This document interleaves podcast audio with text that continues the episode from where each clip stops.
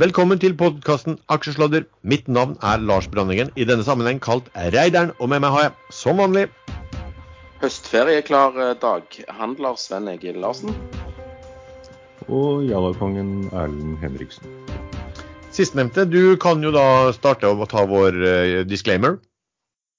Dere må gjerne høre på oss, og dere må gjerne også gjøre som uh, dere tror vi mener man burde gjøre. Men går det galt, så må dere ta hele blemen på deres egen kappe. Ja. Vi ringer råd. Dersom du hører på hva vi sier her om markedet, aksjer, enkeltaksjer og livet for øvrig, er ansvaret helt og holdent ditt eget. Når vi spiller inn programmet, så kan det være ting vi sier som er direkte feil. Eh, panelet og panelets gjester kan være lang, kort, direkte eller indirekte eksponert i aksjer, selskaper og produkter som omtales i programmet. Ok, La oss kjøre på det vi bruker å starte med, da. Sven, hva, nå er det jo faktisk, vi, vi tok oss en, en, liten eh, friuke eh, forrige helg. og Da er det jo to uker siden sist vi har hatt en episode. Hva, hva har du gjort av handel nå de, de siste par ukene? Ja, eh, Godt spørsmål. Men eh, jeg får ta den jeg husker best. da. Jeg var med i emisjonen i Calera i går eh, aftes. Og det er jo Pareto igjen da, som klarer å, å, å, å, få til en uh, emisjon som du taper penger på. Jeg har ikke solgt en eneste aksje ennå, men uh, emisjonen ble gjort på 25, og nå ligger den 24 8. Ja, det henta seg litt inn nå. Uh, jeg, jeg, skal selge den på 25 blank, er målet, for å gå ut i even. Men det, det, er slitsomt å, å liksom drive sånn megleroppleie, eh, fordi at du, du, føler du må være med på emisjoner, eh, selv om de kanskje blir dårlige. Men rabatten var jo stor, og jeg trodde kanskje at jeg skulle skvise ut noen øre. Men nei da. Eh, men jeg har òg handla litt sånn bull... Nei, bærderivater. Jeg har òg handla Men de har jeg òg solgt igjen og kjøpt igjen, så jeg har trada de. Og så har jeg rota meg inn i Færøyenes største bank, eller noe sånt tull. Eh, fordi han der Ulfhuset, han, han hadde gjort noe research på den. Jeg forstår ingenting, og jeg holder nå på Hvis det plinger litt, så er det fordi jeg holder på å selge meg ut av den. Men med grei gevinst, da. Så jeg har rota litt rundt i markedet og har satt pris på den økte volatiliteten. Mm. For det er jo det du bruker å si, at du lever litt av at du kjeder deg når det ikke er volatilt nok? Ja, det stemmer. Eh, når det bare siger oppover og alle tjener godt med penger på fondene sine, så sitter jeg og kjeder rau av meg og, og, og, og, gjør veldig lite. Mens når ting begynner å svinge litt, da er jeg veldig mye mer aktiv i markedet enn sikkert uh, vanlig uh, mann i gata. Mm. Men hva tenker du, når, når du har tradet nå, Sven, hva, hva, har du tenkt liksom generelt sett om, om markedsbildet, da, hvis vi sier det sånn? Nei, eh, jeg har tenkt at hvis ting eh, går galt her, så kan det gå skikkelig galt. Så jeg er veldig eh, Jeg trør forsiktig eh, rundt. Eh, og jeg kjøper jo aksjer, og jeg selger aksjer. Men eh, jeg har ikke gått veldig eh, gått inn i veldig store long-posisjoner her nå og skal bare sitte med, med aksjer. Liksom. Det, det, er jo ting som kan tyde på at det kommer litt mer markedsuro. Og Da tenker jeg ikke spesielt på dette gjeldstaket, men jeg tenker mer på, på dette med stagflasjon og kinesisk eiendom og rentehevinger og alt mulig rundt for meg. Så jeg er veldig forsiktig.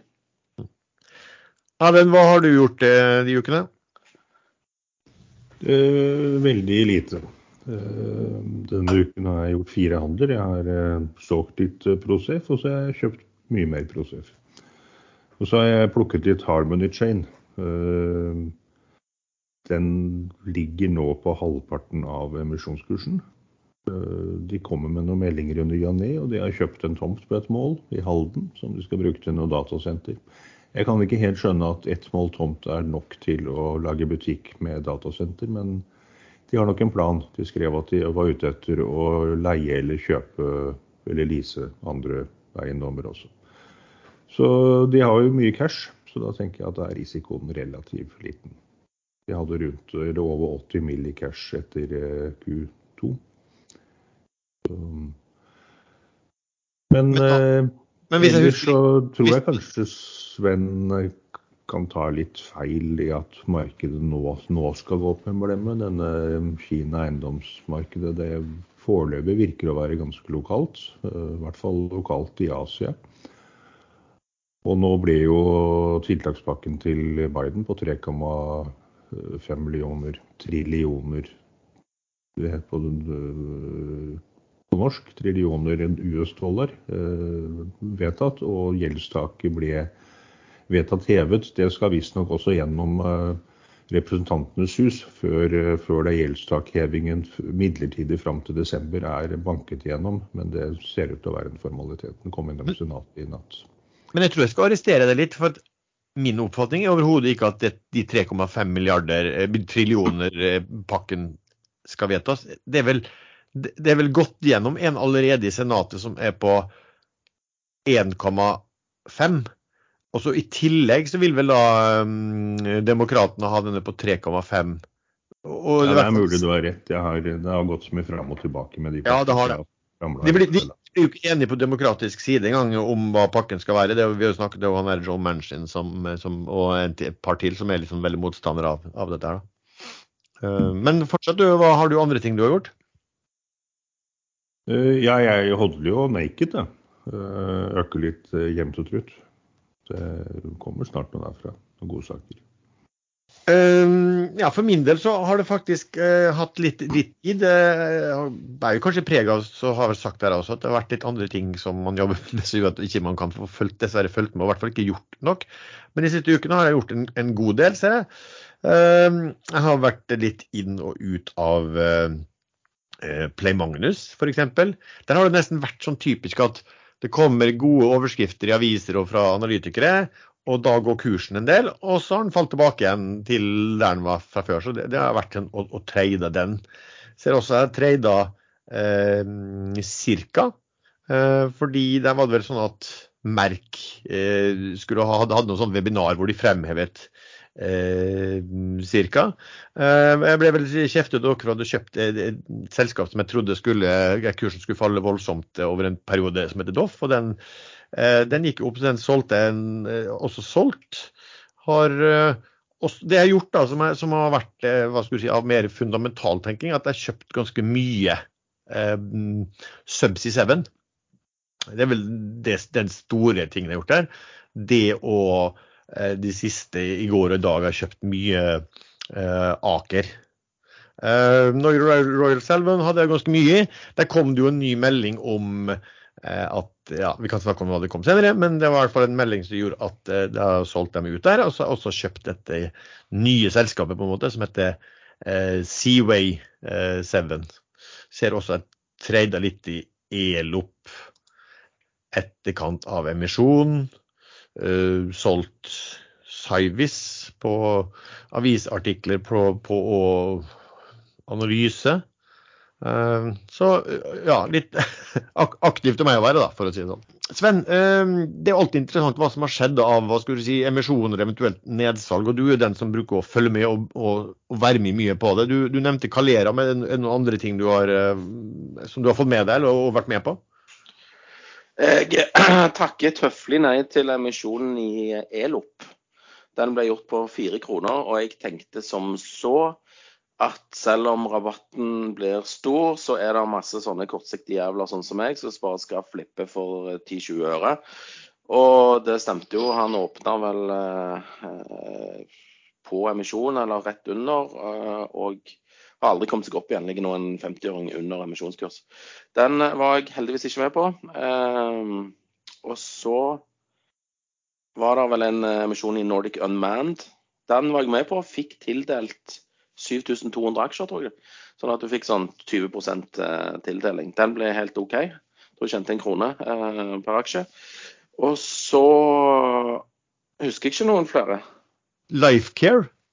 Ja, Nei, det vet jeg ikke helt hva er engang. Det er denne tyske svindel... Eh, tror ikke det var en åpen Det var vel bare lukket for eh, ja. ja. ja, nei, altså, jeg, jeg, så den registrerte at de skulle sette en emisjon og sånn. Nå, nå, nå, tar jeg tap i Calera, selger ti øre under eh, emisjonskurser. Ja. Men det er du egentlig fornøyd med, sånn som den uh, Ja, når jeg siktet på han litt tidligere, var han på 24 blank, liksom. Og så tenkte jeg det var jo 40 000 minus, liksom. Det er bedre med 4000 minus, tenker jeg nå. Men han, han, jeg tipper han ender på even. Ja. Du, uh, bare nevner LifeCup, for den ser jeg på nå. Også, den var åpen. Det var en private placement. Um, og der de skulle ville hente mellom 25 Men, men hva, megler, hva, hva meglerhus var det? Um, skal vi se hvilken Carnegie. Ja, de, de pleier ikke å ringe til meg, de. Uh, så jeg vet ikke hvorfor. Selv om jeg faktisk er kunde, så, så er det sjelden de, de finner bryet verdt å ta en telefon. Men de vil i hvert fall, de, de skulle hente penger til 1,70 per aksje, og de vil heller hente mellom 25 til 40.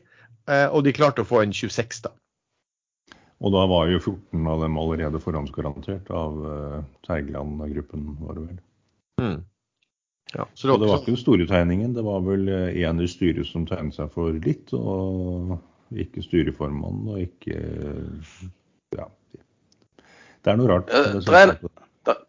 Det er en annen pågående emisjon òg, eh, men den er ikke børsnotert. Den er på OTC. Men vi kan snakke om den fordi at det er jo artige personer bak. Himalaya Shipping. Eh, de engasjerte jo he hele byen for å sette den emisjonen. Og så fikk, kom det melding i dag om at de upsiza dealen til 50 mill. dollar. Fra 40 eller 45, husker ikke helt. Så det ser sånt navn for et sånt shippingselskap. Himalaya Shipping. Det er litt sånn jall- det er litt jalla shipping over det. Ja, og båtene de, de, de har jo ikke båter, men de har bestilt båter. Ja. Eh, Som skal gå der på innsjøene i, oppe i fjellene der oppe i Tibet. Skytteltrafikk på den lokale Mjøsa der oppe. Men det, Ikke vet jeg. Altså, jeg var styrt unna pga. navnet. Men det er jo Trøim da som står bak dette. Ja. Og han har jo truffet blink med denne 2020 Bulkers. Vilkere. Så er mulig- Ja. Han har truffet her òg. Ehm, nei, det er vel ikke noe andre enn det som, er, som vi kan se som har eh, vært uh, Ja, som har kommet med. Ehm, ok, La oss, la oss snakke om, for du, du nevnte ordet stagflasjoner, Sven. Eh, hva, hva, hva, hva, ser du nå liksom på, på, ja, på Hva skjer på renten? Hva, tenker du om inflasjonen, eh, frykten eh, i, som makrobilder internasjonalt? Nei, jeg leser jo eh, veldig mye rundt forbi, og spesielt det som eh, vår gode venn eh, fra Bodø, mister Pål Ringholm, eh, sender jo ut eh, daglige nyhetsbrev som jeg eh, er så heldig å få lov å, å lese. Eh, og jeg, jo, jeg støtter jo hans syn om at nå blir veksten lavere og inflasjonen høyere. og Det er jo det som er definisjonen på, på stagflasjon. Jeg kan for lite om det. Jeg bare registrerer og ser på energipriser, ser på shippingkost, ser på alle innsatsfaktorer som blir dyrere, og tenker "F- dette kan jo bli ganske gale hvis det, hvis det varer en stund. Så jeg bare deler den oppfatningen at det, dette kan smelle, smelle bra. Jeg vet ikke hva du syns, Lars? Nei, altså, det, det, du kan, det du kan si er jo da, eh, hvis du tenker på sentralbanken og han Powell som uttalelse, så har han altså, eh, hvis vi kan si, han har hatt feil hele veien hittil. For han sier hele tiden at dette har vært midlertidig. Det har han sagt ganske Jo, jo, men hvis han bare sier det hele tiden, nå, så, så tror jo folk på det hele tiden. Helt til de finner ut oi, nå har det pågått i to år. Eh, da var det kanskje ikke så midlertidig. Nei, for nå, nå, begynte han å, å, nå begynte jo han å snakke om at nei, det kanskje holdt i seg eh, litt lenger enn han hadde trodd. Og det er jo mange måneder siden det skulle være avsluttet all, all inflasjon. Eh, og så begynte han å dreie det og ville mer snakke om at nei, de hadde ikke nådd full arbeidsledighet lenger. Så dette med infla inflasjon var, ikke så, var plutselig ikke så viktig lenger. Nei, full arbeidsdekning mener du, ikke ledighet. Ja, ja ikke sant. Eller ja, lavere, da. Men, men han, han eh, forrige sjefen hans, han Munchen, med hun kona, vet du, eh, med de dollarsedlene. Han, var ikke han ute i dag og, og, og sa at uh, dette kan gå gale? Han sa vel noe som så at han var urolig for at det her ikke var midlertidig, at det her kom til å feste seg. Og han var da urolig at du kunne da risikere å se en ti, amerikansk tiårsrente på 3,5 Da er det mulig børsen skal ned, hvis det skjer. Oi, oi, oi, som børsen skulle ned hvis det skjer. Eh, men det, det høres altså helt eh, For min del altså, høres det ut som, som at hvis det hadde vært et marked som hadde bestemt renten, så kunne det skjedd. Men så lenge du har en, en enorm aktør som trykker penger og kjøpe rentepapirer sånn at renten holdes nede, så er jo det eh, vanskelig å få til. Men eh, Men, kanskje men hva hvis renta ellers i verden går opp, da? Må ikke USA følge på, eller kan de bare ignorere dette til the end of time? Altså, De kan jo ignorere Pro Problemet, det, det sa jo han Nutsjin også, er jo at eh, eh, altså, hvis, hvis renten i USA begynner å gå opp, så, så har landet så enormt stor gjeld at da begynner du å spise opp store deler av inntektene på statsbudsjettet. Så da har de et problem. Og så vet jeg det var noen som delte med masse en sånn oversikt over hvor mange amerikanere eh, Altså hvis en renten på boliglån økte 0,5% hvor, altså da var det hvor stor andel av eh, inntektene som da måtte gå til å betjene boliglån. og Det var liksom nesten rekordartet. Så, så her, liksom, her, har man malt seg inn selv at det er nesten ingen som tåler renteoppgang, selv om den burde selv om renten burde vært mye høyere, da. Men denne Mnuchin, som det være umulig å uttale navnet på, eh, han var vel ikke akkurat erklært som den skarpeste kniven i skuffen da han var eh, finansminister, var det vel, under Donald Trump? Han kommer fra Goldman Sachs som direktør der. Jeg tror ikke du kommer dit uten eh, både å være ganske så intelligent og sannsynligvis ganske skruppelløs. Og så må du kanskje, uten at vi skal snakke politikk, men skal du jobbe under Trump, så må du kanskje uttale deg på en sånn særdeles enkel måte som presidenten også skjønte. Jo, og nå er det jo holdt på å si snart et år til mellomvalg. Det kan være mye politikk bak hans uttalelser. Yes. Men eh, som Sven sier, fraktrater stiger, eh, priser på det meste stiger. Eh, men så må man jo se hvorfor det stiger. Og alt, det aller meste av det er jo koronarelatert. Det blir flaskehalser fordi havner i spesielt Kina stenges med jevne mellomrom. Eh, så kan man bruke gamle inflasjonsstrategier, tankeganger bak, bak dette når når det kan løses ganske raskt hvis eh, korona ikke lenger er et problem noe sted? Nei, Det er jo et bra spørsmål, det, er det. Eh, spørsmålet er bare hvor lenge skal man kalle ting eh, midlertidig. Altså, du kan si, tenker at Hvis hvis du har holdt renta på null, da, og, og prisstigningen har vært 10% i en periode, det er jo fantastisk for de som har lån. ikke sant? For de blir jo på mange måter, du blir på mange måter rikere da. Eh, for det er mye lettere å, å, å betale tilbake. Så spørsmålet er liksom hvor lenge dette her eh, henger i seg. Nå, nå, nå, kommer du til å se da at eh, økte energipriser må jo få utslag i økt, eh, økte kostnader da, videre til, til, til sluttkundene og konsumentene. Og Det blir jo interessant å se i, i høst altså om, om si, befolkningen, da, hva, hva de, hvordan de reagerer hvis renten Nei, hvis, hvis, inflasjonen virkelig begynner å, å ta tak.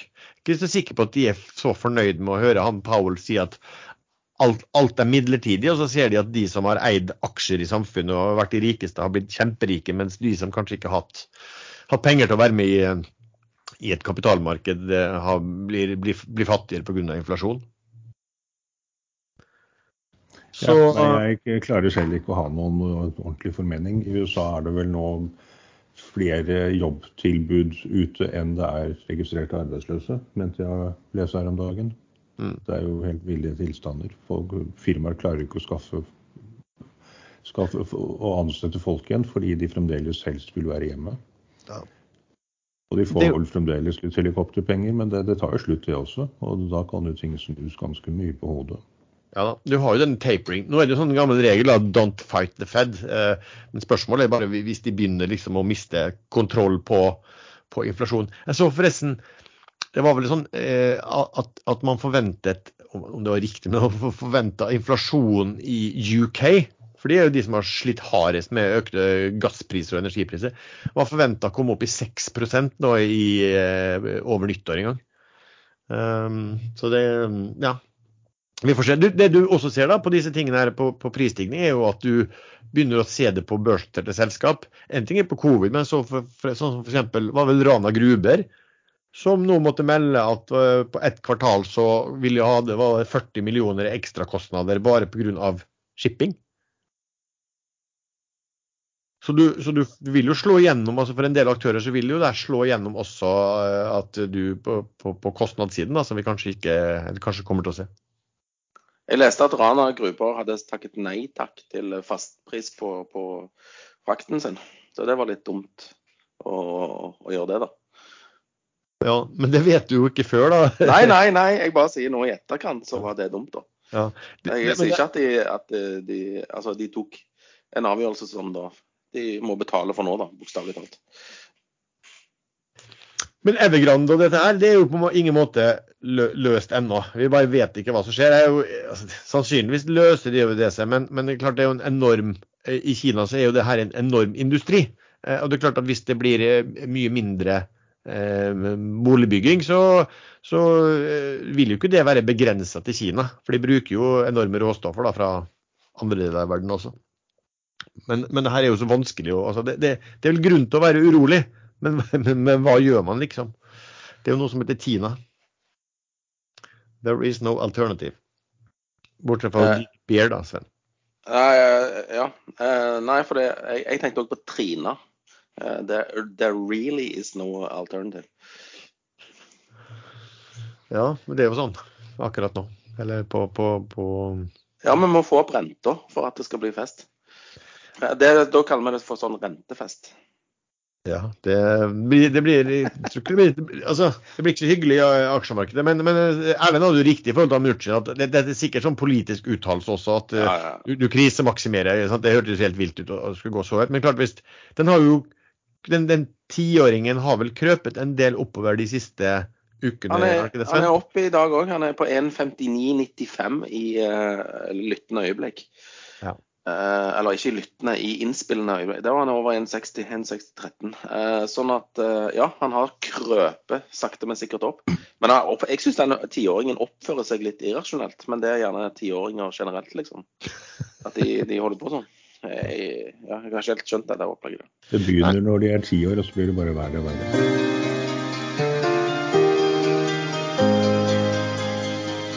Denne episoden er sponset av IG.com. Oppdag en verden av muligheter med over 17 000 markeder, eksklusiv døgnet-rundt-kvotering på internasjonale indekser, kryptovalutaer samt utvalgte valutapar. Dessuten utøkte handelstider på over 70 amerikanske aksjer.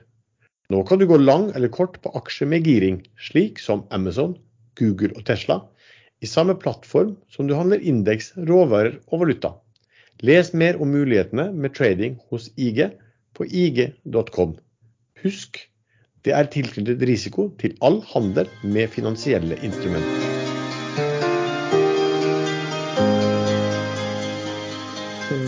Jeg fikk en tekstmelding fra Sør-Afrika, måtte jeg bare ta kjapt tak i. Vi driver jo et diamantgruveselskap der. Og denne uken så fikk vi endelig oppgjør inn på konto for salget av et av lisensområdene våre. 6,9 millioner sørafrikanske rand, så ca. 4 millioner kroner. Så nå er vi ordentlig i business og regner med å gå på børs etter hvert. Vi... Det er en heidundrende fest her på aksjonærens bekostning, regner jeg med? Nei, vi, vi, gjør ikke sånn. Vi feirer alt på forhånd, vi. Så hver gang det har vært et lyspunkt Vi har bare, vi har bare jobbet med den avtalen her siden 2014, så det, ting tar tid i Afrika. Men vi har eh, allerede kjøpt inn eh, mye større utstyrspark og kommer da i gang med høyt volum. Og det er det som må til i gruvebransjen. Hvis man ikke klarer å behandle nok masser, så klarer man heller ikke å tjene nok penger. Det, du vet at du må betale for denne reklamen? ja. og, det, og, det, er dyrt. det, der, det, det må vi ta på kammerset.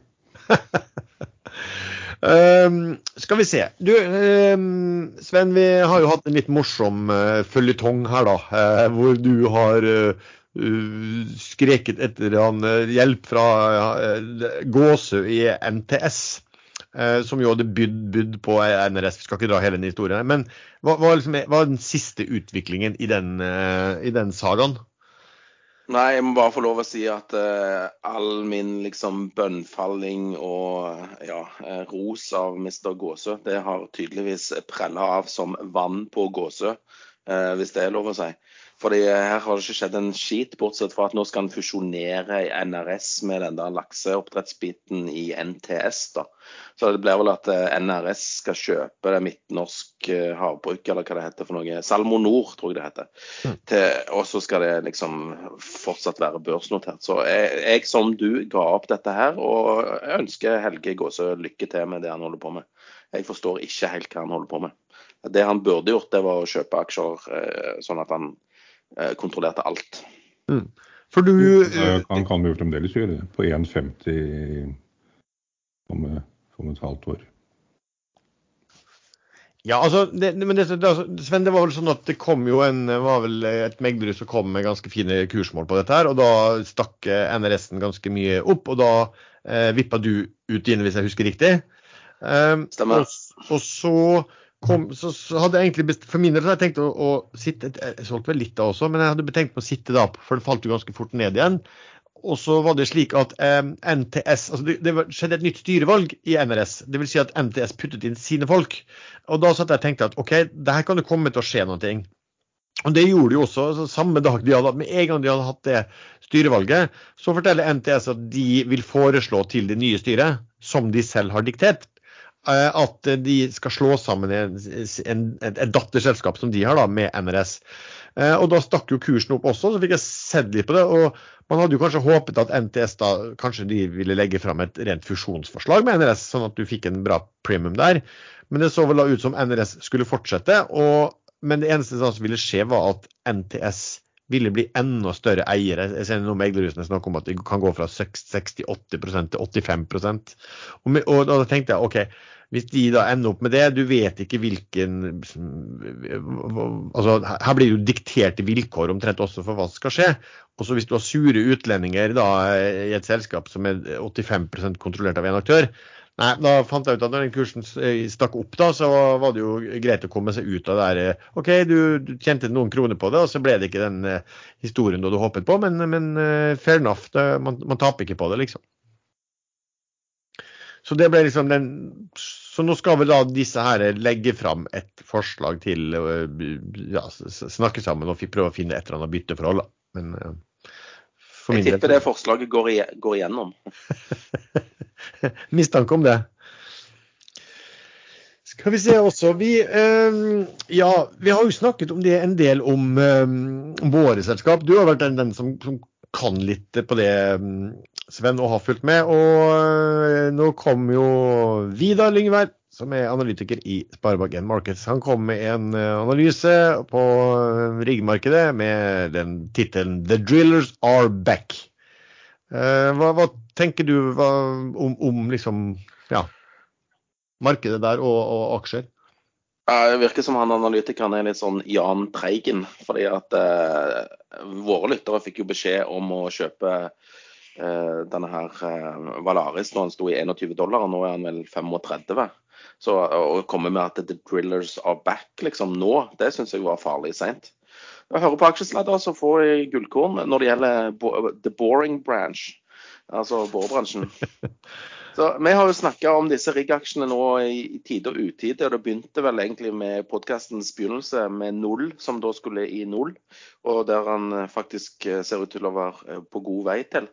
Så null er vel det eneste nå som ikke har fått tatt del i dette rallyet, fordi at de mangler penger og mest sannsynlig må sette en emisjon. Men ja, det kommer til å bli økte riggrater. Det har blitt skrapa mye boreskip og, og gamle rigger. Jeg så nå forresten at uh, TransOcean har en uh, rigg fra 1987 på britisk sokkel som de nå vurderte å skrape. Så tenker jeg en rigg fra 1987, de driver jo og skraper boreskip bygd i 2015. Så den der 1987-riggen, den må ha klart å gjemme seg godt. Eh, sannheten er jo at han har vært på en, en kontrakt i, i, UK da, ganske lenge. Så det, er, det vitner om et mye sunnere riggmarked framover. Så Eh, jeg tipper på eh, at det kommer til å bli grei inntjening og fortsatt konsolidering i det markedet der. Det blir spennende å se hva Sidril, eh, hvor de riggene til slutt havner. Det har jeg ingen peiling på. Mm. For, det, for det jeg hørte når uh, bare snakket litt med noen som jobbet i, i Megdurus på, på, på rigg. og og Jeg du nevnte nevnt i, i, forrige podkast at jeg hadde liksom satt opp en sånn oppstilling av de ulike innenfor supply. Og det, det, det han sier, der, som er, som, som er liksom interessant hvis du sammenligner de to, så er det at rigg har konsolidert seg. Der har du store, tunge aktører nå, som, som Ala Valari, som er sammenslåing av, av, store selskap. Sånn at de, de begynner å ha såpass markedsdisiplin. da, Mens i, i, mange av de områdene på supply, der har du altså du har masse bitte små aktører, og så evner de ikke til å slå seg sammen heller. Sånn at du har liksom ingen som, som kan, kan, gi noen disiplin til Eh, til det markedet. Så, så, det er liksom eh, Og det er klart at ja, rigg, hvis, hvis, de klarer det å, å si nei til veldig dårlige rater og, og kan legge ting i opplag og sånn, så, så, får du selvfølgelig et mye, mye, mye sunnere marked og bedre mulighet til å, til å tjene penger. Um, sånn sett. Um, det har vi jo også, vi kan jo ta det samtidig, for vi får jo inn masse spørsmål. Skal ta en del av de etterpå. Men oljeservice har vi fått en del spørsmål på, eh, Sven og Erlend. Oljeprisen har jo gått veldig, men det er jo mye oljeservice som står på stedet hvil. Liksom, hvordan tenker du om oljeservice, Sven? Nei, Oljeservice er jo et bredt spekter. da. Du har f.eks. TGS som driver på med seismikk, som i dag meldte om en del lavere salg enn forventa. Det vil jo bety at uh, interessen for å lete etter uh, mer olje ikke er så stor ennå. Men uh, oljeprisen har jo gått i taket, egentlig over 83 her nå. Så jeg tror det segmentet vil komme. Når det gjelder liksom boring og brønntjenester, type Archer, eh, type Acastor eh, og, og Aker Solutions og, og Slumberger og den gjengen der. Så ja, det virker noe treigt, men de vil jo komme hvis, der, hvis aktiviteten og boringen tar Altså hvis det blir litt fart i det markedet der.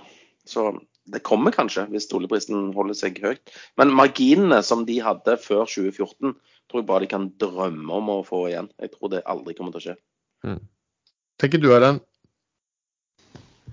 Nei, nå har vi vel hørt siden uh, rett etter oljeprisfallet at uh, nå kommer oljeservice tilbake, og det gjør ikke det. Har ikke gjort det ennå. Det er vel som Sven sier, uh, Marginene kommer ikke tilbake, og jeg tror det tar lang tid før markedet kommer tilbake. Men det er bra. Vi vurderer å kjøpe inn en eh, båt fra Solstad eller eh, en annen som skal skrotes, og lage en diamant-drillingskip, eh, ikke drilling, men diamant plukkebåt i Sør-Afrika. Det går en der nede allerede. Driver ikke du og graver på land, da? Jo, men det er, husk på at alle diamanter som ligger på land, som, de er vasket ut av vulkanrørene, eh, ofte fra Angola faktisk. Og så har de gått med elver og isbreer og grus ut i havet. Eh, så de ligger eh, De fleste ligger faktisk der hvor oljen ligger utenfor kysten av Namibia og Sør-Afrika. Så det er det Det er liksom det store vi har lyst til. Havminner av havdiamanter og sikkert støtte av Norsk forskningsråd for å lage dette. Men eh, det er ganske far-fetched å ta en sånn supply-båt og bruke til dette. Jeg, jeg, tror ikke du helt forstår uh, hvordan dette virker. Jo, jo. Det er, okay. Eh, det er gjort allerede.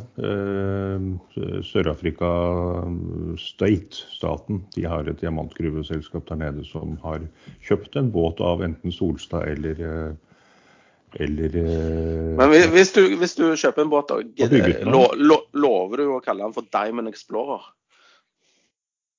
Det skal jeg love. Det var et godt navn. Ja, men jeg tror du skal med for, du må ut med mer penger enn hva du fikk for å, for å så, ja, selge ja, lisensen din. Uh, Nei, vet du hva? Jeg tror, jeg tror, du kan få en sånn liten supply-båt gratis før du tar, og, tar den over. For det koster jo å drifte driten. Mot slutten av sendingen så vil det da være mulig å tegne aksjer i Diamond Explorer. ASA. Det er faktisk mulig å gå inn på Adiam-gruppen på Ekstrainvestor. Ja, nå, nå, må du betale masse.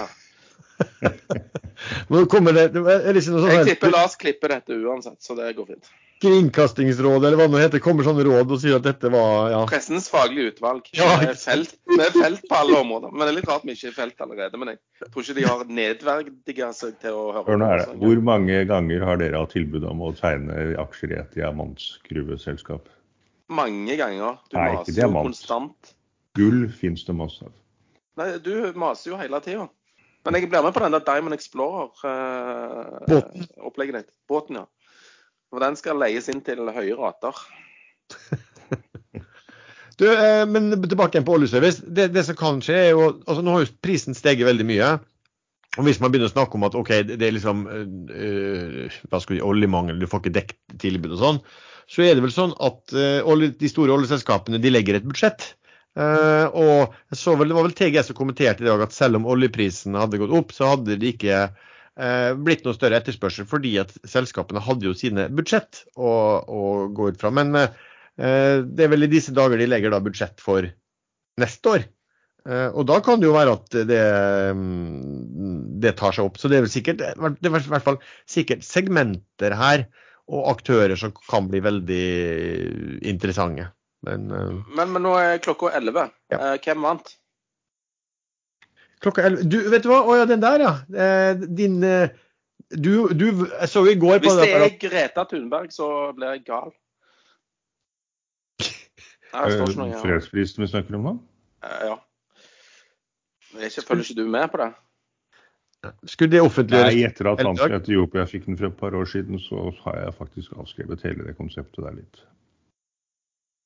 Obama var vel kanskje verre, da. Han hadde jo knapt nok eh, gjort noe. Ja, det var jo bare latterlig, men at han fra Etiopia Alle visste jo at han var en, eh, en jævel. Men jeg leser akkurat etter en liten artikkel angående eh, oljeservice, som da penslet inn på på ratenivået man kan forvente i havvindservice. Og der er det jo mange som har hatt forhåpninger til at man kan bygge om en del oljeservice til havvind. Nå har vel ikke det skjedd i så stor grad, man bygger heller nye spesialbåter. men jeg så bare overskriften, så jeg kjapt burde rotet gjennom ekstrainvestor her. Men det var en eh, analytiker som mener at de, rat, de jo, ratenivåene i havvind de vil faktisk bli ganske presset og, og lave. Noen av dere som så den artikkelen? Eh, jeg så bare litt i starten på den, men eh, ja. Vel, altså, er det ikke sånn at man snakker om at her, her finnes det et lite vindu for de som har bestilt båter? Eh, sånn spesialbåter eh, som var tidlig ute, og så har du kanskje noen, noen vinduer på noen år eh, hvor du kan tjene veldig bra, og så kommer det jo da, sånn du bruker å gjøre i sånne områder, da kommer det veldig mange skip i tillegg. Er ikke det er ikke det, det de snakker om? Ja, det for, men det, det er i hvert fall Det er ikke bare lyse skyer i horisonten i noe marked akkurat nå. Det er, jeg syns det er prestepriser overalt. Og vi har fått inn masse spørsmål fra eh, folk. Skal vi se, Kanskje vi skal starte med å snakke om eh, eh REC, eh, Erlend? Og hva er det som, som hva, hva, hva, Er det noe på gang der? Ja, der eh, har jeg ikke fulgt så veldig godt med i det siste. Og jeg skrev et innlegg på Ekstrainvestor hvor jeg eh, egentlig slaktet selskapet. For jeg trodde ikke noe på at at sylengassetterspørselen som man vil måtte bruke for å lage eh, disse anodene som skal øke kapasiteten kraftig på bilbatterier, eh, at det vil bli noe av på mange, mange år.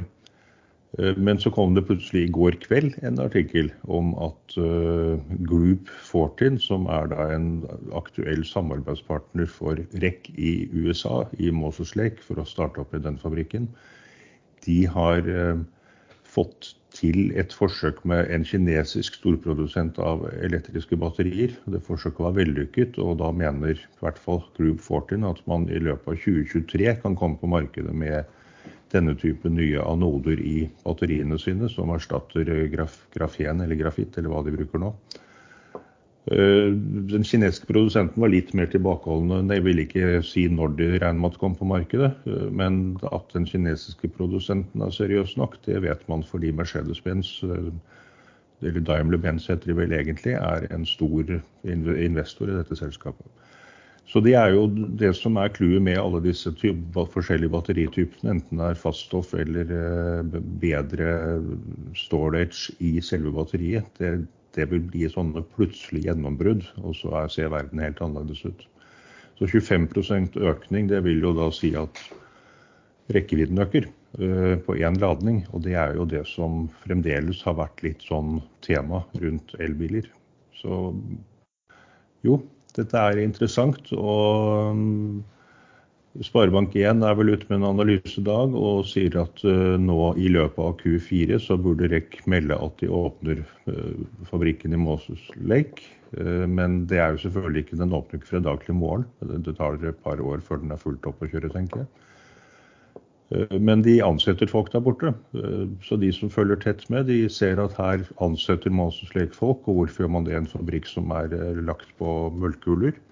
Hvis man ikke har planlegger å åpne. Så jeg tror den kommer til å åpne, og da må jeg reversere hele innlegget mitt på ekstrainvestor, som jeg for de som leste det innlegget, jeg gjorde samme dag ti minutter etterpå. Men dementier blir jo ikke så godt sett som påstander. Så skal vi se hvordan har det gått med REC i dag. Jeg skrev til min kjære familieaksjegruppe at jeg tror REC kan bli et godt kjøp i dag. Opp 3% opp 3,15% Men hvis jeg kan arrestere litt. Jeg tror ikke at Sparebank1 trodde at den skulle bli åpna nå i år. Eh, fordi at de har jo klart, de har jo klar salgsanbefaling på den. Eh, ja, på 13 kroner i kursmål. Så, men oh, ja. de skrev vel at markedet ville bli skuffet hvis den ikke åpnet, hvis ikke det kommer melding i løpet av året. Riktig. I, det var riktig i forhold til uh, ja, i forhold til, altså, når, når, de skal levere et Q3, så er det vel en del som håper at de skal melde at nå kommer de til å åpne den. og så var det vel de sånn spørsmål på det. Men du vet hva, nå skal vi hoppe rett videre på den, for nå kom det akkurat melding en, på en som du har vært veldig glad i tidligere. i hvert fall. Um, Erlend og Sven, du har også inne. Det er vel at uh, Dugong Petroleum Dugong Tail var tørr. Tørr brønn i Dugong Tail. Den har jeg heldigvis ikke nå.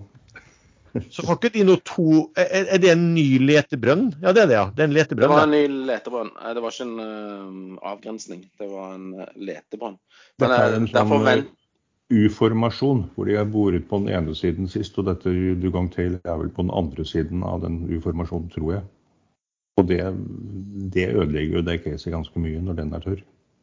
Ja, for de hadde bora ikke de nylig en resultat av en avgrensningsbrønn, og der resultatene var betydelig dårligere enn hva de hadde forventet, var ikke det så? Ikke ifølge selskapet sjøl, da. Men uh, de har aldri gått ut med forventningene. Okay. Uh, produserte 2400 fat per døgn i den drillstemtesten. Det og jeg snakket vel, med, snakket med selskapet, og uh, de mente at det var som forventa. Men at Dugong Tail var tørr, det var større sannsynlighet for at de, de kunne bomme der enn en, en andre plasser pga. Uh, oljekolonnen ville være mye smalere. Ja. Men den var tørr, så da skal nok uh, Petrolia og Petrolia Noco litt ned. Ja, men imponert over Petrolia, da, som den er faktisk nesten uendra i dag. Den er bare ned 0,5 prosent. Jo, men det er jo nesten ikke volum. Man får jo ikke ut noe mengder aksjer. Nei da, men jeg skulle tro at, at, at Eh, de som uh, ser der og gjerne vil selge. Men vi får se, da. Det kan jo endre seg fort uh, utover dagen. Det. Uh, om det blir lagt mye mer merke til. Bare en kort kommentar til forrige brønnen. den viste seg da at man kunne bekrefte nedre rangen av det man i løpet av fjoråret en gang mente var et nivå fra til. Så det, det er jo ikke direkte dårlig når man bekrefter nedre rangen, men det, er jo, det skuffer jo alltid markedet. Mm. Ja. Skal vi se hva vi har mer her å snakke om. Ja, Vi har fått et spørsmål om uh, de små oljeselskapene. Nevnt, folk har jo nevnt da Petronor, de har nevnt uh, Okea. Hva tenker du om de, uh, de, de mindre oljeselskapene, Erlend? Petronor har jeg jo veldig sansen for. Det er jo det, nå er det såpass lenge siden at man burde, burde, nesten ikke nevne det. Men jeg liker alltid å dra med gammel historikk inn i nye selskap. Her har det kommet inn eh, to nordmenn hovedsakelig og ryddet opp i ordentlig gammel eh, dritt i Petronor. Og de har gjort veldig mye riktig. Eh, de fikk tilbake lisensen i Gambia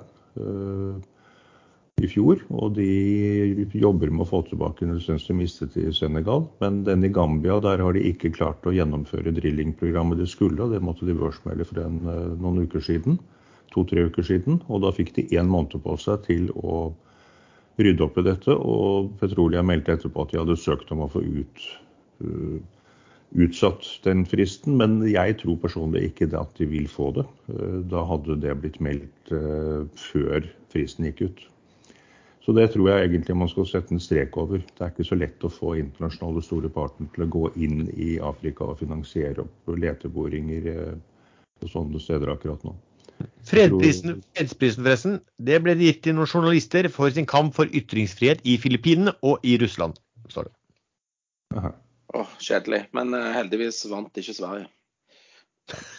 Men Petronor de øker jo produksjonen. De produserer relativt mange tusen fat i dag og har planer om å øke den til jeg tror det er 25 000 fat i løpet av eh, ganske kort tid. Og det tror jeg de vil få til. Så jeg syns det er et kjempeinteressant selskap, men jeg har det ikke selv akkurat nå.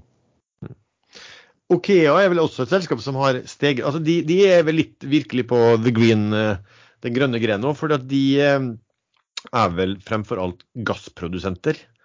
Og gassprisen har jo da vært gått noe helt enormt. Det er vel sånn at gassprisen, i hvert fall sånn spot, har vel ligget tilsvarende oljefat så har ligget tre ganger prisen, eller som han skrev en gang, det var oppi fire ganger prisen i oljeekvivalenter. Så de eh, må jo ha en, sannsynligvis nå en formidabel cashflow eh, som pågår akkurat nå. Men, eh, og nå har jo de blitt ganske mye anbefalt av, av meglerhusene og, og steget på børsen også. Eh, så. Er han Ola Borten Moe ute av det selskapet? Han ble vel nå valgt inn på tinget og skal inn i regjeringen, vel? Ja, jeg, vet, jeg tror ikke han jobber der lenger nå. Jeg vet ikke hvor han er sånn aksjonærmessig. Eh, det, det, vet jeg ikke.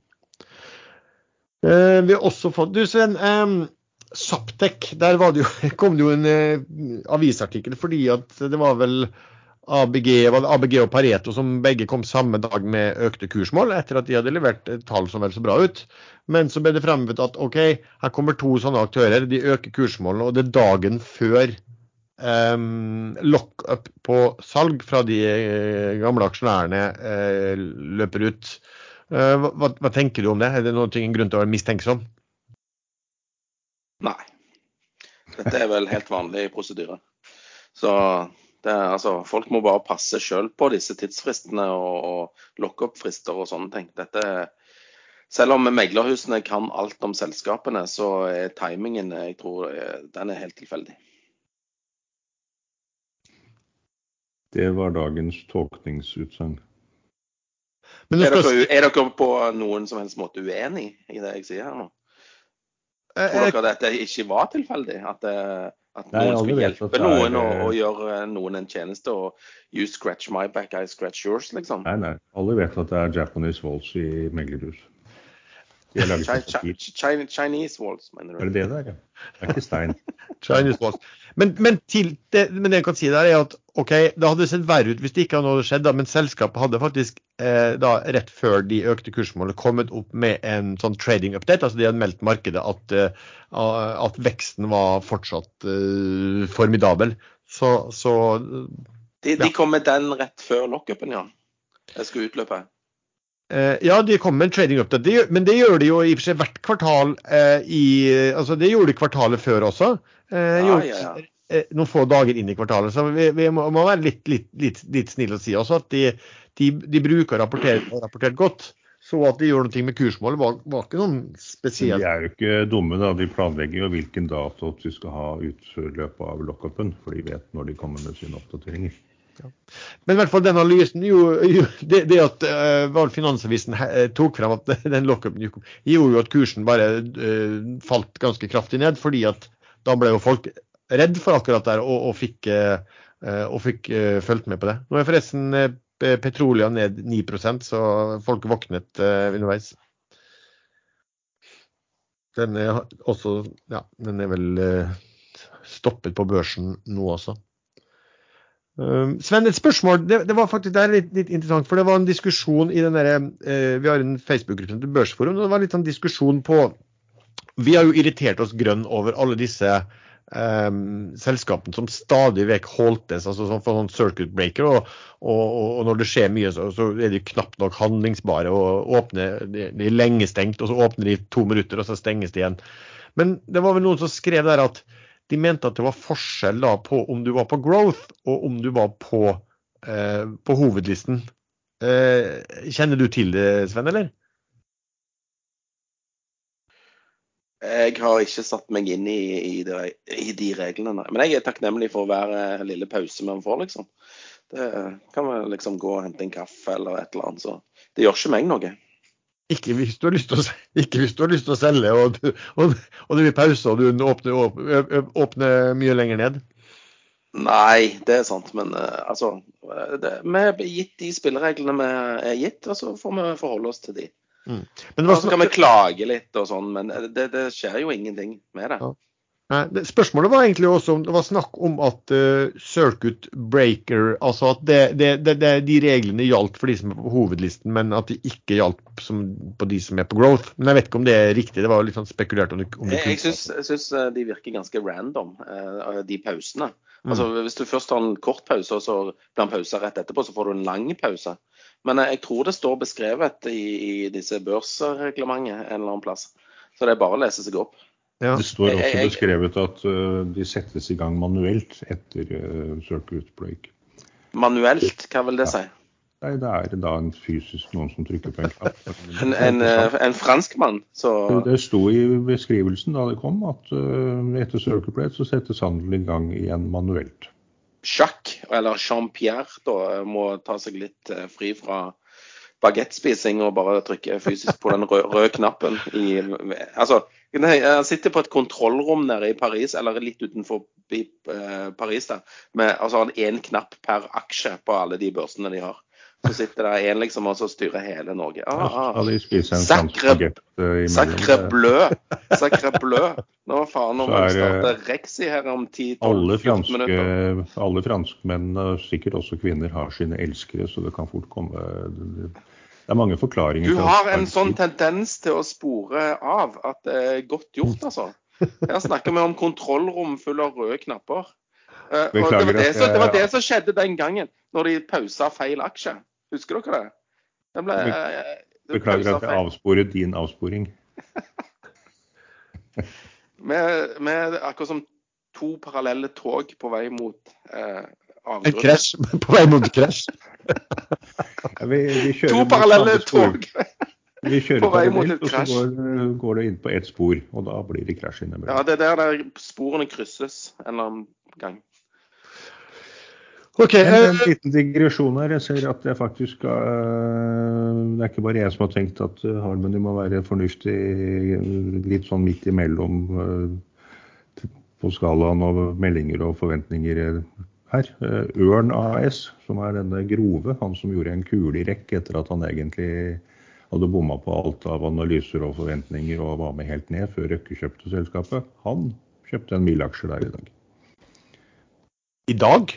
Ja, dukket opp aksjonærlisten i dag. Så han må ha kjøpt på kursfallet på mandag og tirsdag. Ja, det er kjøpt på, mm, kjøpt på, tirsdag. Jeg skal ikke si så mye om altså, Av og til man, kunne man gjerne tenkt å, å, å, tatt med hva andre har sagt om et selskap før, og kontra uh, hva man sier om selskapet når man har blitt aksjonær sjøl. Men du har, ikke, du har vel ikke gitt dem veldig mye ære? Uh, Harmony Chain uh, tidligere, tror jeg, når vi snakket om de på 50-60 Nei, jeg har vært veldig Jeg har vært veldig Hva heter det for noe når man har sagt både positivt og negativt? Uh, jeg er veldig sånn Jeg vet ikke hva jeg skal mene om det selskapet. Jeg har litt sansen for Hans Akrisson, faktisk. Og gutta står jo på her. Men eh, også nå, når Kina totalforbyr ikke bare mining av eh, all krypto, men også alt relatert til krypto, så er kanskje den kinesiske konkurrenten som kom med sin chip-løsning eh, ikke lenger så relevant. Men det vet jeg ikke. Men husk på at kursen var på 1,90 eller noe sånt den siste jeg kanskje ikke var så veldig happy. Da var den vel over emisjonskursen. Nå er den på 0,90. Ja, men i mellomtiden så har de vel øh, ja, meldt at de mislyktes stort med hva de skulle, og så har de holdt på med noen ting, og så har de sagt at kanskje de ikke mislykkes så mye likevel. Det er litt sånt der, Og så skal de starte litt andre ting Eh, jo, så har de jeg, vet ikke, altså, de, de som ikke er ja, ja, de, de, kan godt være at de, de, lykkes, men liksom hittil så har det vel vært et ja, Apropos vi snakker om sånn train wreck, er vel det vi kan si om selskapet så langt. Men det betyr som sagt dårlige selskap kan, være, kan bli gode aksjer. Det er jo det Det ser man jo igjen. Og kjempegode selskap kan være altfor dyre aksjer. Så så hvem vet. Du, eh, sånn fra de ble, bare ta det veldig kort, fra Harmony ble notert, så var kursen oppe i 240. Det er all time high. Og så var den nede i 0,42 all time low. low. Så, så, sånn RR, eh, risk reward kursmessig ut fra hvordan aksjen tredes osv., så, videre, så syns jeg den ser grei ut nå. Men uh, Om de noensinne får til noe, om de blir så store som de en gang sa, eller om dette bare fader ut og pengene blir borte, det vet jeg rett og slett ikke. Nei. Men det er vel ikke noe dårligere begrunnelse det enn mange andre for å kjøpe Høyre selv-aksjer? Nei, nei. Nei, eh, absolutt ikke. Eh, ikke? Du, du kan jo ha alle mulige begrunnelser, og, og hvem, hvem vet hvilken begrunnelse som, eh, som slår til? Man skal ikke alltid høre på tallknusere. Eh, Det er mye psykologi i aksjemarkedet. Jeg tror det faktisk blir mer og mer psykologi framover, ikke mindre. Vi har fått spørsmål om Bergen Carbon Solutions, men det var mer av, var om, om eh, i Finansavisen. Eh, Sven, fikk du med deg hva, hva, hva spørsmålsstilleren snakker om? Sven krasja med toget rett før tunnelen. Så han ble borte. Nei, jeg har ikke fått med meg det finansavisgreiene. det har jeg ikke. Men nå driver jeg og kjøper litt sånn bjønn her, da, så jeg er litt opptatt. Uh, men eh, han er jo ofte på Twitter, han da, sjefen i Bergen Carbon Solutions. Og meglerhuset har vært ute og sagt at nå kommer det snart en firmaavtale, og det er rett rundt hjørnet. og Litt sånn som handlende Powell sier når ting er midlertidige. Eh, så ting tar tid, tydeligvis. Eh, hausingen i, media det får eh, de som har ansvar for å stå til rette for. Jeg har egentlig ingen eh, kommentar. Altså det, men det er bare sånn at folk vet, vet hausing, hausing. Det var et intervju med han Håkon Sæther, han, og det var knytta rundt eh, hvordan han hadde gjort det i fjor. Så var det spørsmål om liksom, hva, hva hans store posisjoner var, hans favoritter var. Og så sa han at ja, altså, da var det jo at Bergen Carbon Solutions var den han hadde mest i. Og så ble han spurt om at hvis du ville komme inn på toppen av liksom, Hvis det var noen aksjer kunne, av disse som kunne bringe deg inn på toppen av liksom, eh, formuelisten i kapital, eh, hvordan ville det være det da? Og da, da nevnte han da Bergen Carbon Solution. Så, så sa han liksom at hvis de treffer på alt, så kan den gå mange hundre ganger. Ehm, og, og man, man vet jo hvordan media òg, da, det, det var jo en veldig fin, fin eh, overskrift for, for, for å både lese og klikke på en, eh, på en artikkel. Eh, og det gjorde jo da at ja, at den aksjekursen gikk jo og gikk da 15% den dagen eller den, når den artikkelen kom. Og det, det er jo et Saga-selskap, forresten, som Saga eier, største eier. Som, som vi hadde jo besøk av Saga-sjefen for ikke så lenge siden. Og så skjedde det jo noe annet da, i et annet Saga-selskap hvor de eier veldig lite, må sies. Men det var jo Prime, og der har jo du vært eh, litt eh, inne, Sven. Uh, ja, Um, Prime, ja. Det, det er sånn plastikk uh, Nei, det heter plast. Må jeg lære meg dette her. Plastbrenning uh, og gjøres om til noe sånne petroleumsbaserte greier. De kom jo De fikk en Eller de har vel egentlig hatt en avtale lenge, men de har ikke røpt eh, hvem det var med. Men det viste seg å være Shell. Eh, ikke Shell og Company, men det store oljeselskapet Shell. Eh, heter noe mer enn Shell? Nei, jeg vet ikke. Shell. Ja, Shell da i Holland. Det er, det er Shell, det, ja. Ja, det er Shell. ja, det var, det var lenge siden den reklamen. Eh, nei, også, eh, men, men jeg trada den aksjen før den meldingen kom, da, fordi at eh, det var et meglerhus som drev og satte noen blokker på 27 kroner. Aksjen trada på 28-tallet. Så jeg eh, tok eh, en god del aksjer der på 27 og fikk lempa de ut på 28. Eh, og så gikk det noen dager, og så de som kjøpte alle de aksjene på 28, da, de ble sikkert litt sånn utålmodige, så de kjørte aksjene i 22. Og så plutselig kommer det en melding her, Kjell er med på laget, og uh, aksjen bare kaboom rett opp i 45 eller noe sånt. Uh, så ja, litt blanda følelser, men jeg kunne jo ikke forutse at den meldingen skulle komme, syns jeg, da. Så jeg er egentlig fornøyd, men Godt jobba av Prime, da, som fikk litt orden på aksjekursen sin. For den har vært i fritt fall de siste eh, to månedene, i hvert fall. Mm. Der var det vel noe spekler. Ja, det var vel den jeg da spurte, spurte om hva, hva, hva gjør Saga med sånne aksjer. Så det var det eneste de hadde i porteføljen som var negativ. Hva, hvordan kommer de seg ut eventuelt av sånne case? Litt morsomt hvis det var Saga som solgte, da, eller eh, noe. fordi at eh, jeg vet jo ikke hvem som satte den blokken. Jeg var på rundt sånn tre ja, rundt 300 000 aksjer. Ja, hva hvis det var Saga som kjøpte? Må det børsmeldes eh, på et growth-selskap? Kun hvis de sitter i innside. Og jeg vet ikke, jeg tror ikke de sitter i styret. Ikke sant. Men eh, tilbake til han Håkon Morten Sæther. Han er jo en ekstremt dyktig investor. Man skal selvfølgelig lytte når han snakker. Så jeg har alltid vært imponert over navnet han har et av firmaene sine, Six Seven. Det er jo et av de store eh, internasjonale selskapene. Heter jo Six Six. Jeg liker folk med litt morsom fantasi. Autostore IPO, forresten. eh, Jeg ser jo nå at de Altså, det, det er vel sånn at de skal gå på børs og prise seg mellom, til mellom 90 til 103 milliarder. Eh, Så forresten, det kom akkurat artikkel på Finansavisen der de skrev at de ja, Basert på første halvår da, så ligger de an på så, så, så omsetter de 150 millioner dollar. Og det er 1,3 milliarder eller noe. Da, så at de, de okay, Hvis det hadde vært årsnivå, så hadde de ligget på en, på en eh, ja, 2,5 milliard kroner i omsetning. Eh, Det, ganske det høres ut som en ganske stiv price sales for et eh, teknologiselskap eh, uansett. Eh, 90 milliarder i prising, og de omsetter for ja, 2,5 milliard. Men det blir sikkert stor interesse. Jo, det jeg la merke til, var den skal verdsettes til over 100 milliarder kroner, var det ikke det? Pre. Ja, 90 til 103, eller hva det sto for noe. Ja. Og så skal eierne selge ut uh, drøye 10 for 10 milliarder kroner, og så henter de inn bare 2,7, var det ikke det? Det var ikke mye de henter inn. Nei, det var et lite, mye mindre beløp. Og når jeg så det, så tenkte jeg at det virker litt sånn for syns skyld. For, for, fordi at Ikke si at vi går på børs for at vi vil selge på denne kursen. Så derfor må vi hente. Det er, en, eh, det er en fin måte for eh, ledelsen å faktisk realisere litt eh, penger uten at det oppfattes som et innsidesalg. Men det som er interessant, er jo at da er, er det ikke mer enn mellom 10 og 15 fri float i det selskapet der etter at de går på børs. Så det skal jeg følge litt med på. Mm.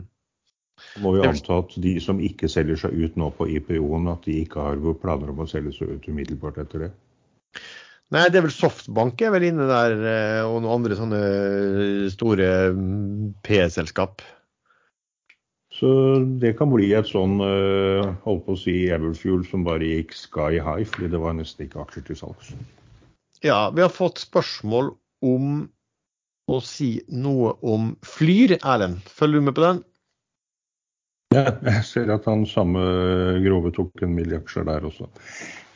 Der har jeg eh, en, eh, en eh, god meddebattant på ekstramestor, hvis man kan kalle det det. Han skrev i går at øh, Vi er alltid uenige, da.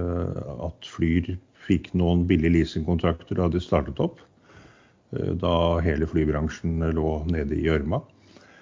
Eh, Og noe av konseptet til Flyr var sannsynligvis at Norwegian skulle konke. At ikke de skulle bli reddet, men så ble de reddet. Og nå mente han samme ut fra kontakter i flybransjen at det er slutt på disse billige leasingkontraktene.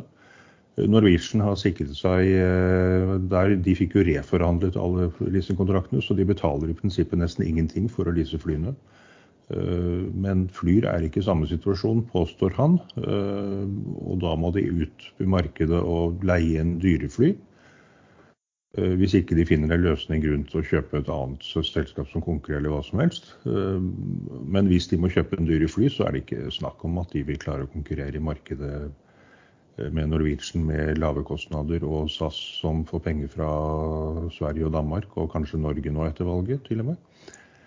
Så det, er- en litt sånn high risiko, føler jeg, og jeg holder meg litt unna. Men eh, det er Bråten-familien som står bak eh, Flyr, og de kan flybransjen, og de har vært veldig dyktige i Sverige. Så jeg er ikke en som avskriver det selskapet så raskt.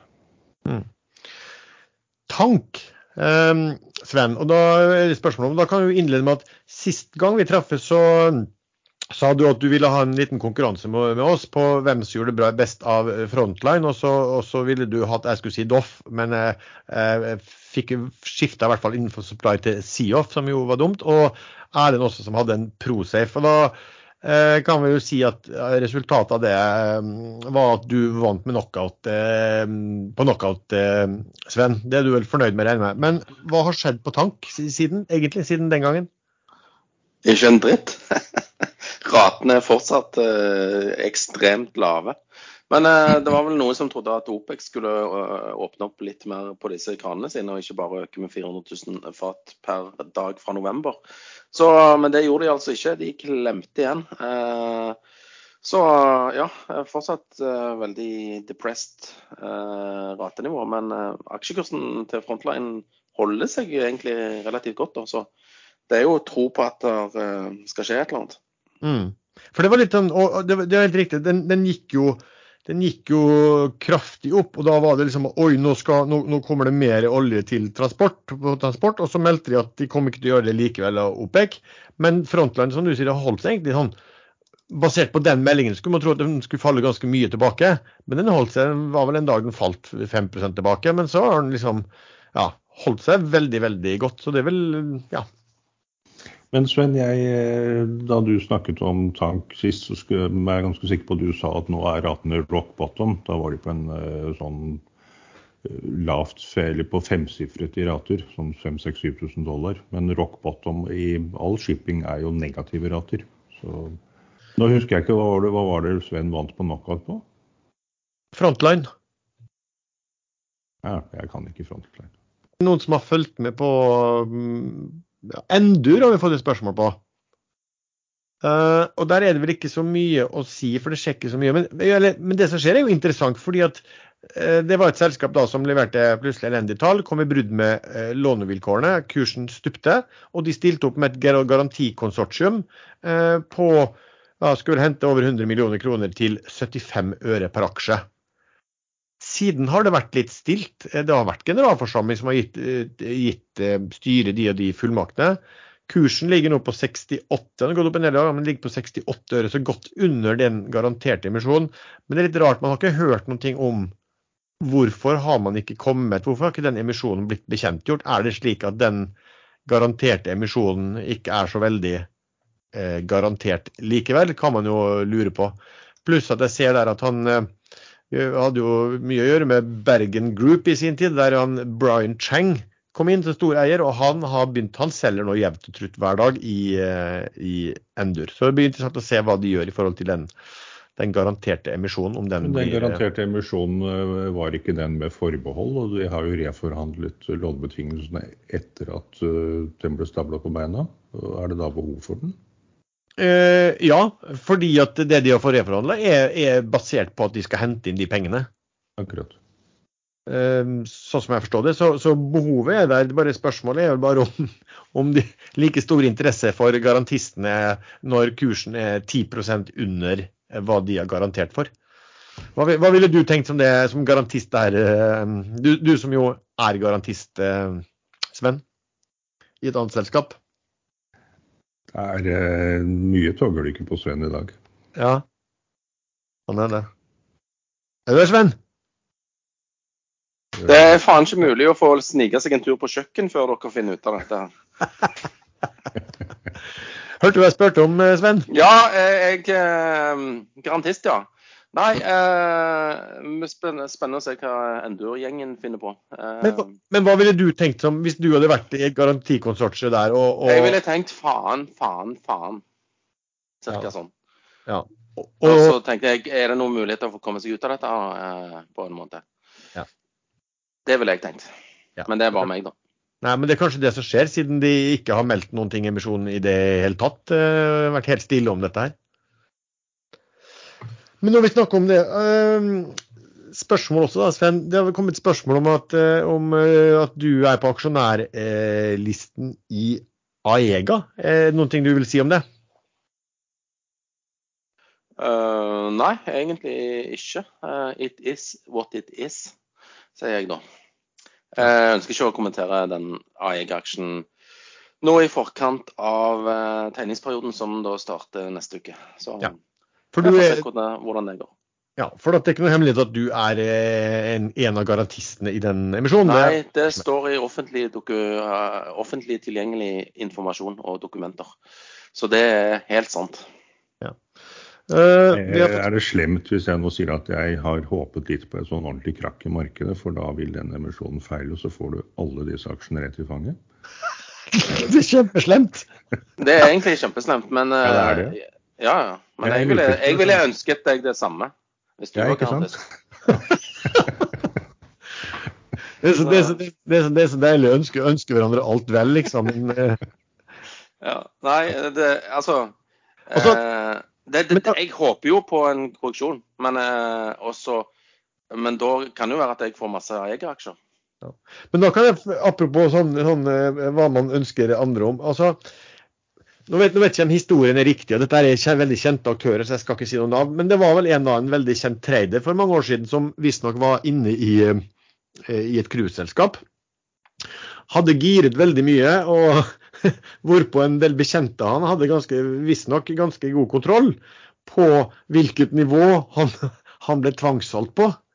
Eh, og, og da ble jo den aksjen da selvfølgelig ned, solgt og shortet ned til, til det nivået skjedde, hvorpå han eh, omtrent gikk belly up på dette her. Eh, og hvis dette her er riktig, så var det slik at de samme aktørene da senere lånte vedkommende penger, og gjerne i, da i media fortalte hvor, hvor fantastisk gode venner de var, som stilte opp for en god venn og lånte han penger i dårlige tider. Er det en, histo en historie du har hørt om før, Sven? Ja, jeg har hørt det. Og uh, han heter vel Tore, han eh, som uh, da ble rundlurt. Ja, Og så litt andre navn. Ja.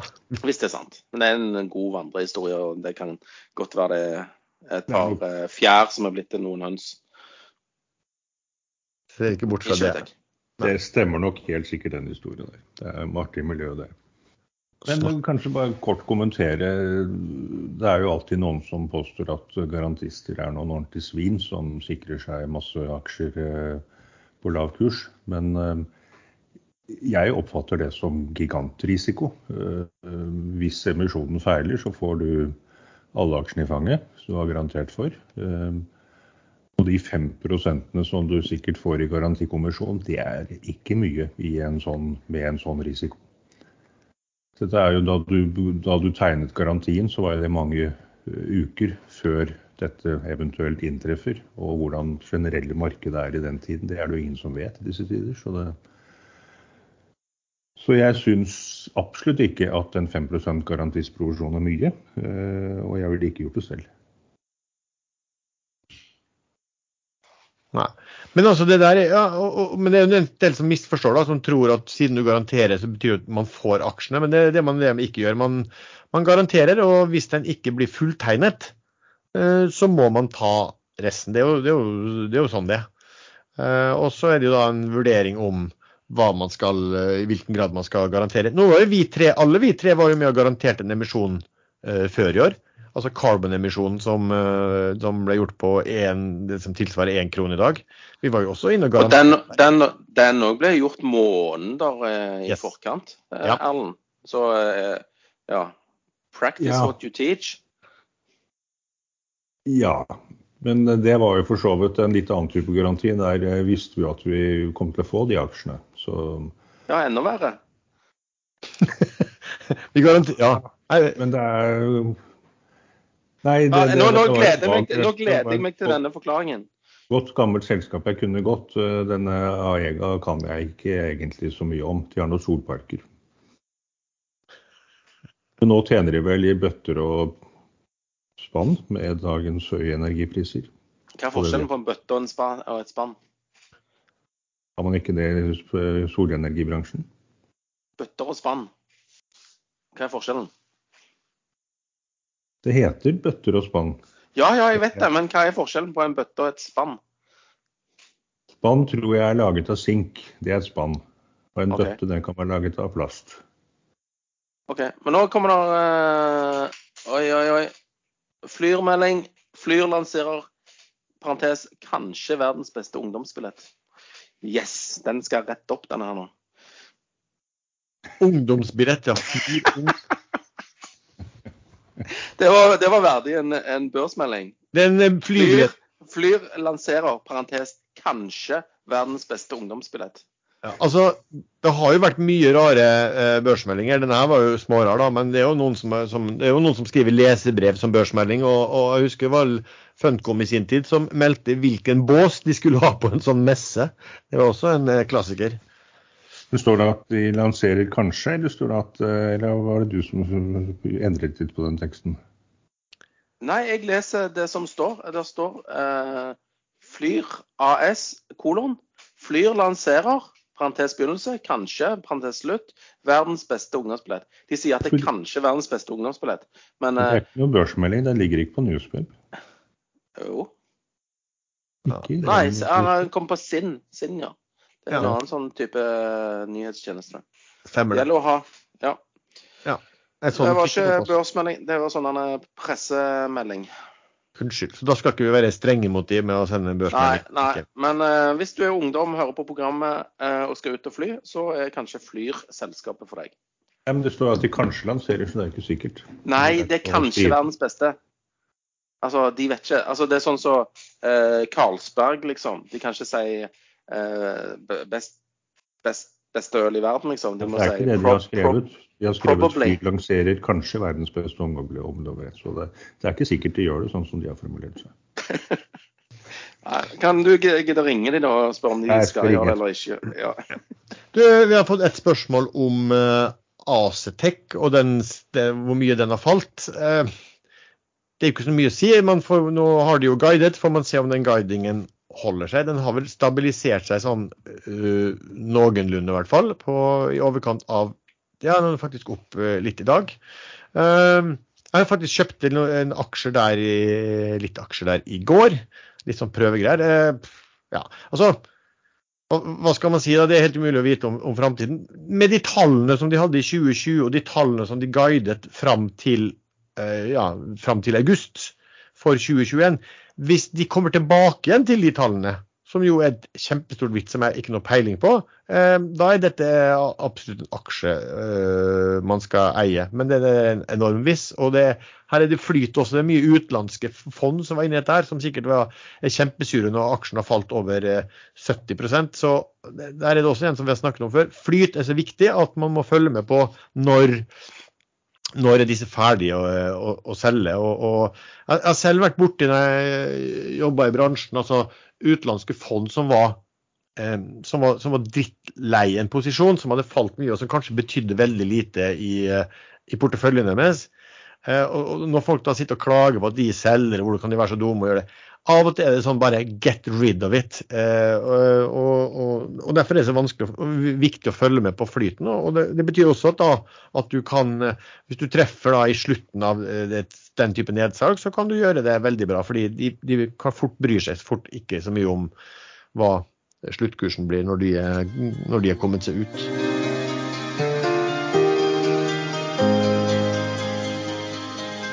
Dette er sponset innhold fra Fifax. Fifax produserer regnbueørret ved hjelp av Recirculating Aquaculture Systems, RAS.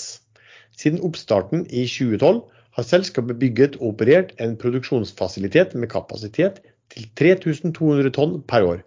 Fifax er en av få aktører innen landbasert oppdrett som produserer ørret og har hatt vesentlig produksjon og leveranser av produkt til markedet. Produksjonen er forventet å nå full drift allerede første halvår neste år. Produksjonsfasiliteten er lokalisert på Åland i Østersjøen, med bra logistikk til hovedmarkedene Finland og Sverige. Som en ledende produsent ønsker selskapet å doble kapasitet på Åland og sikte mot nye lokasjoner i fremtiden, samtidig som man vil kunne bygge aktivitet på det å være et kompetansehus for andre aktører innen segmentet. Fifax gjennomfører nå en IPO på det finske Nasdaq Nordic First Growth Market og henter opptil 27,5 millioner euro i ny egenkapital. Tegningsperioden for nye aksjer er i gang, er åpen for alle og varer fram til og med onsdag 13.10. Mer informasjon er tilgjengelig hos Fearnley Securities og på Fifax hjemmeside. Selskapet vil ha sin første handelsdag på rundt 25.10. Du finner lenken til Fifax hjemmeside i beskrivelsen til denne episoden. Høre, Sven, har du Sist gang så fant du ut noe som var supersmart i løpet av, eh, i løpet av sendingen. Har du noe, eh, har du noe som, i hvert fall som du, om ikke annet, som du kommer til å følge spesielt med på i uken som kommer? Jeg kommer til å følge med på det generelle markedet, fordi at det er fortsatt litt urolig rundt forbi. Så sånn, rent sånn det, det, er ingenting som frister å kjøpe, bortsett fra Eh, litt sikringsinstrumenter, type BROBX eller eh, BR eh, et eller annet. Men nei, ingenting kommer til å følge med. Men hvis jeg må si en aksje som jeg kanskje tror kan gå bra neste uke, så velger jeg å la være å gjøre det denne uken. Erlend? Ja, jeg har jo da, som jeg nevnte, tatt litt i Harmony. Eh, og så har jeg fremdeles amerikanske Naked. Hver dag som går, kommer det nærmere en melding om merger, eller feilslåtte merger.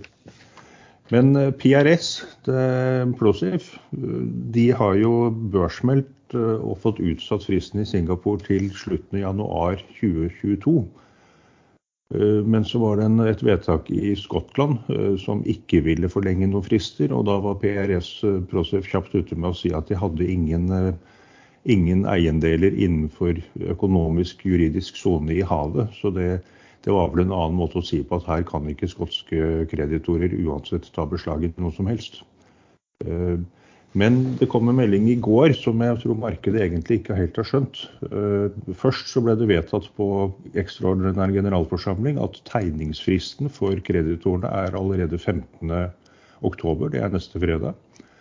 Eh, da skal de som har gjeld til selskapet tegne seg i emisjonen, og den er fastsatt på kurs fra 0,12 euro til 0,35 eh, i det intervallet. Og der er det vel noen som vil få på 0,12, og det er jo ca. 1,20 kroner. Og, mens andre typer kreditorer, eh, kanskje usikret, jeg har ikke satt meg helt inn i hvem som får hva, de må tegne seg for 0,35. Men dette er jo penger som sånn sett er avskrevet for de fleste kreditorene, så kursen vil nok falle derifra.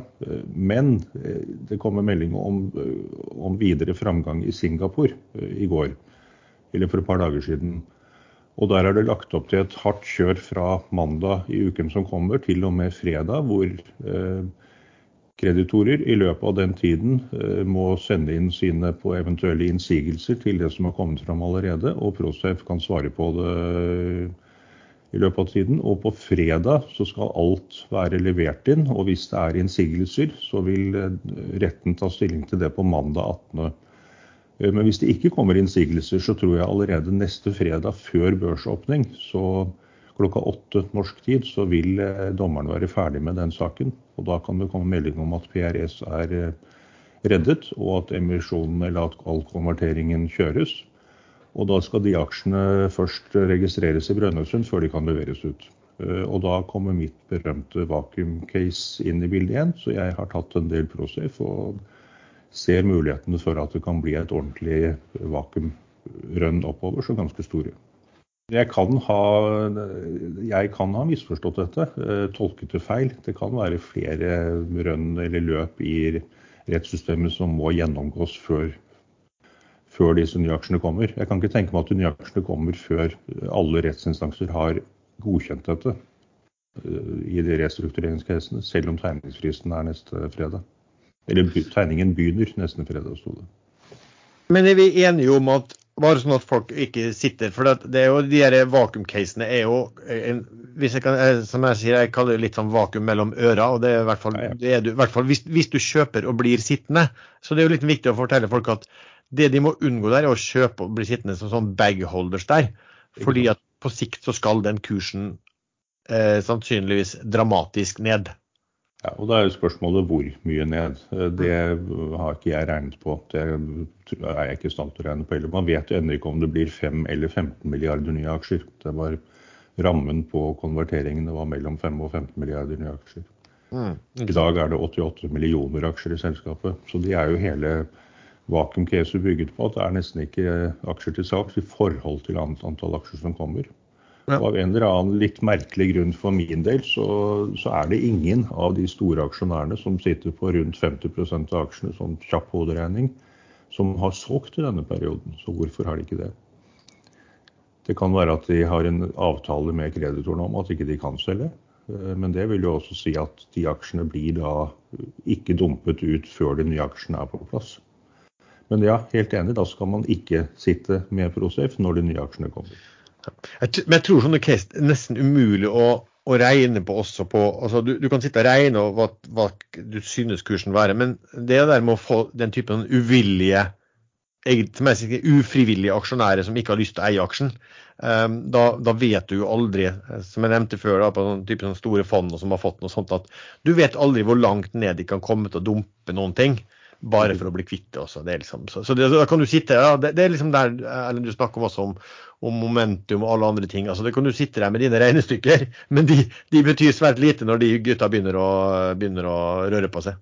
Ikke sant. Men uh, Nedsiden er, eh, den går ikke til null. Det gjør den ikke. Det nærmeste jeg kommer å sammenligne et case, er jo Doff for noen år siden. Jeg vet at Sven kjøpte en del obligasjoner og fikk konvertert på selvkost rundt, rundt 0,60-tallet. Og emisjonen eller konverteringene ble vel satt på 1,10 eller 1,20. Den falt aldri noe særlig lenger ned enn til den selvkosten. Og så gikk den opp igjen ganske raskt.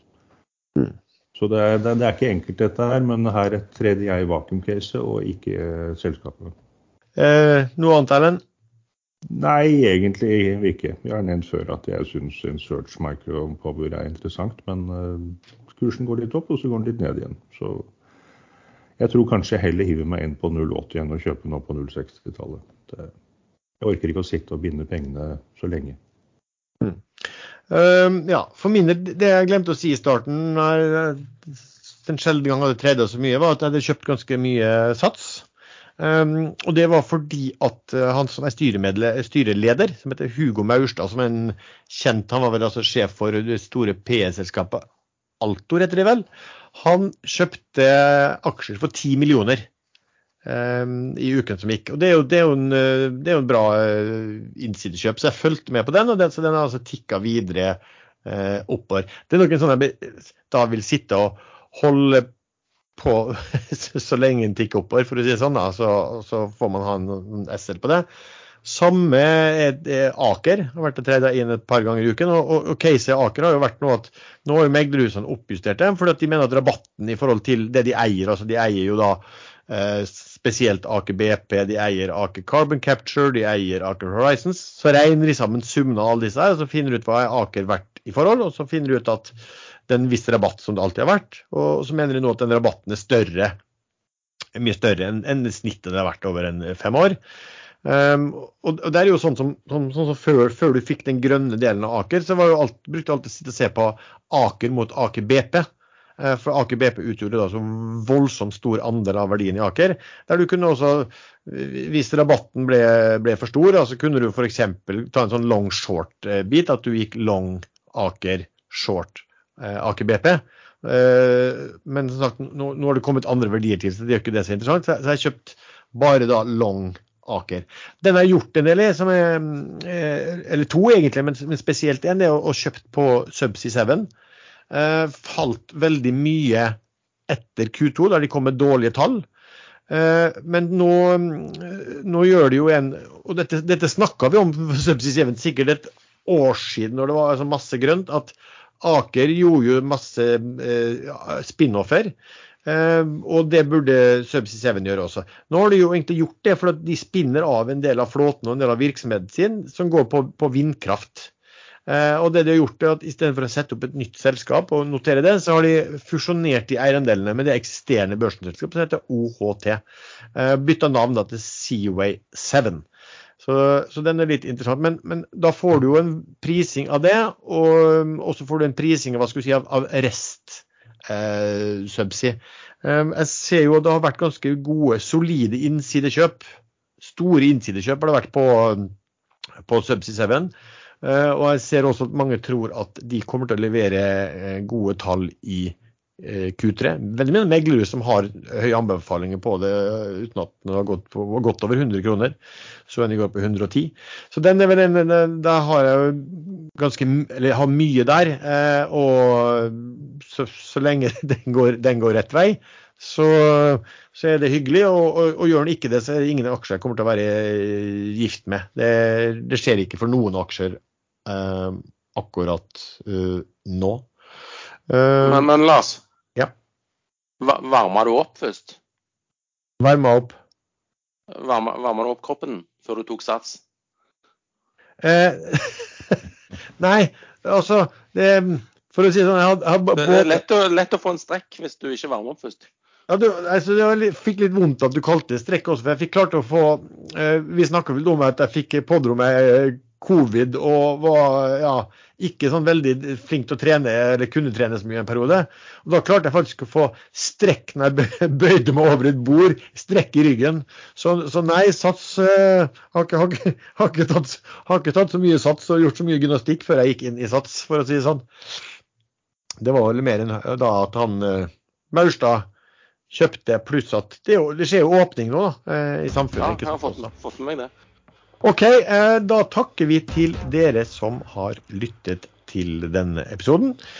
Vi tre finner dere stadig vekk inne og chatter på, eh, på Ekstrainvestor sin chat. Vi har også en egen podkastgruppe, egen Facebook-gruppe mener jeg, som heter podkasten Aksjesladder.